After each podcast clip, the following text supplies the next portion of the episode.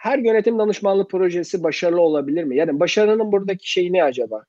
Ee, başarılı olabilmek için ne gerekiyor? Sadece danışmanlık aldım, parası neyse alayım, gel, e, parası neyse vereyim, şu yönetim danışmanlığını alayım, sorunlarım çözülsün demek yetiyor mu? Firmaların kendi üzerlerine düşen görevine ve aynı şekilde yönetim danışmanlığı hizmeti veren şirketle kendi bu kurumlar arasında e, ne gibi bir e, işbirliği olması lazım ki proje başarılı olsun? Burada burada ne düşünüyorsunuz? Şöyle ki çok değerli bir soru. Teşekkür ederim. Çok sıklıkla karşılaşılan e, bir konuya işaret ediyor bu soru günlük hayatta. Şimdi şu, danışmanlığı, yönetim danışmanlığını biraz da şöyle tanımlamak lazım. E, biz e, şirketlere aslında balığı tutup önüne koymuyoruz.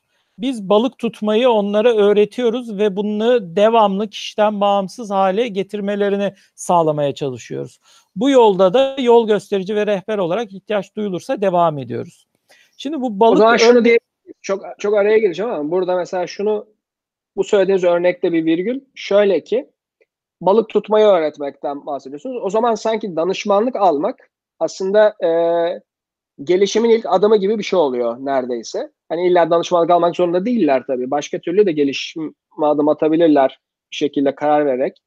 Ama hani sanki o ilk adım yani gerçekten öğrenmek, gerçekten değişmek ve işte o balık tutmayı öğrenme noktasında e, bir eğitim gibi e, neredeyse. Tam eğitim ya eğitimle bağdaşan noktaları var gibi.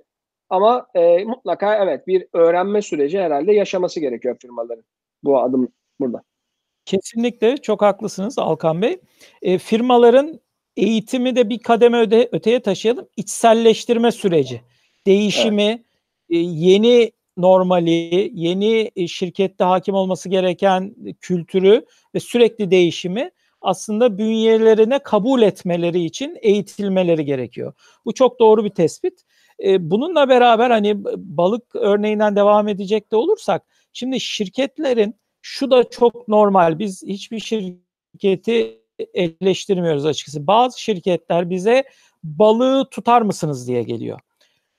Doğrudan hani balık tutmayı nasıl öğrenirim diye kişinin kafasında bu soru olmuyor. Ben benim balık tutmam lazım. Bana balık tutun diye gelebiliyorlar. Bu çok normal olağan bir istek. Şimdi bu karşılanabilir mi bizim gibi insanlar tarafından? Teorik olarak evet. Ancak baktığınızda bu şirketin işine yarar mı? Hayır. Çünkü bu, diyelim bugün e, evimize balık tutmak için biz gittik ve yardımcı olduk şirkete. Bugün kar etti. Bugün gerçekten para kazandı. Ama yarını var, bir sonraki ayı var, bir sonraki yılı var, 10 yıl sonrası var. Burada sürekli biz olamayız ki o şirketin yanında.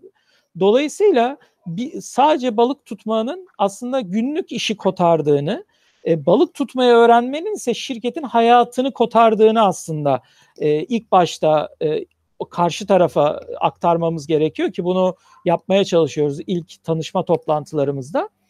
Akabinde şirket de zaten bizimle aynı noktaya geliyor. O zaman şu sorular sorulmaya başlanıyor. Peki benim balık tutmak için neye ihtiyacım var? Ee, balığı nerede tutmalıyım? Ne tarz balık tutmalıyım? Balık tutmak için gerekli ekipmanlarım, araçlarım neler olmalı? İşte o zaman danışmanlığı konuşmaya başlıyoruz gerçek manada. Evet. Yani bunu danışmanlık teorisine çevirecek olursak diyoruz şu an mevcut durumda neredesiniz? Bu sorunun da cevabını bulabilmek için mevcut durumunuzu analiz etmemiz lazım diyoruz firmamıza.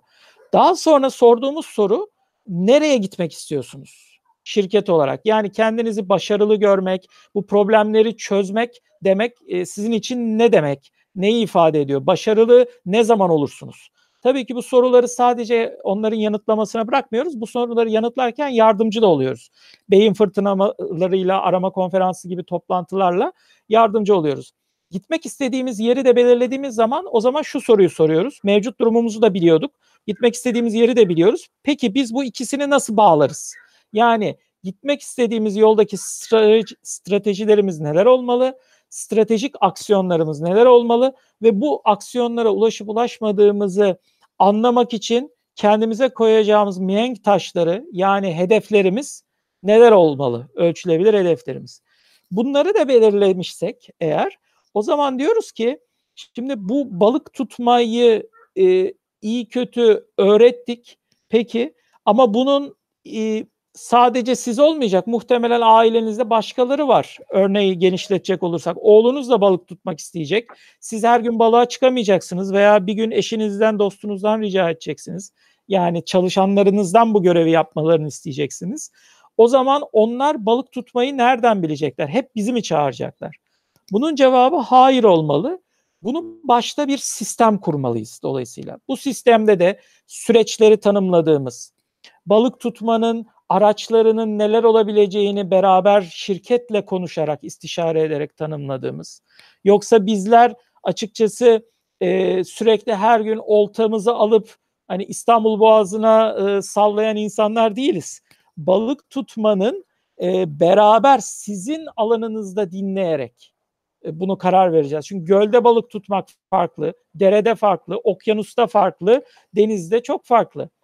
Dolayısıyla sizi dinleyerek, e, sizle konuşarak, birebir toplantılarla, sizlere anketler yaparak, sizlere bunları e, örnek vakalarla anlatıp sizin e, geri bildirimlerinizi alarak bunları toplayacağız ve bu araçları, kullanılan yöntemleri, e, süreçleri ve bunların kimlerin yapması gerektiğini kişi ismi bazında değil ancak görev ve yetkinlik bazında tanımlayacağız ve bundan sonra bütün bütün buradaki noktaları da birleştirdiğimiz zaman bir sistem ortaya çıkmış olacak. O sistemi bir yerden açma kapama tuşuna bastığınızda aslında o sistem kendi kendini döndürebilir bir sistem olacak. Aslında yönetim danışmanlığında nihai olarak her zaman sağlamak istediği şey budur. Aslında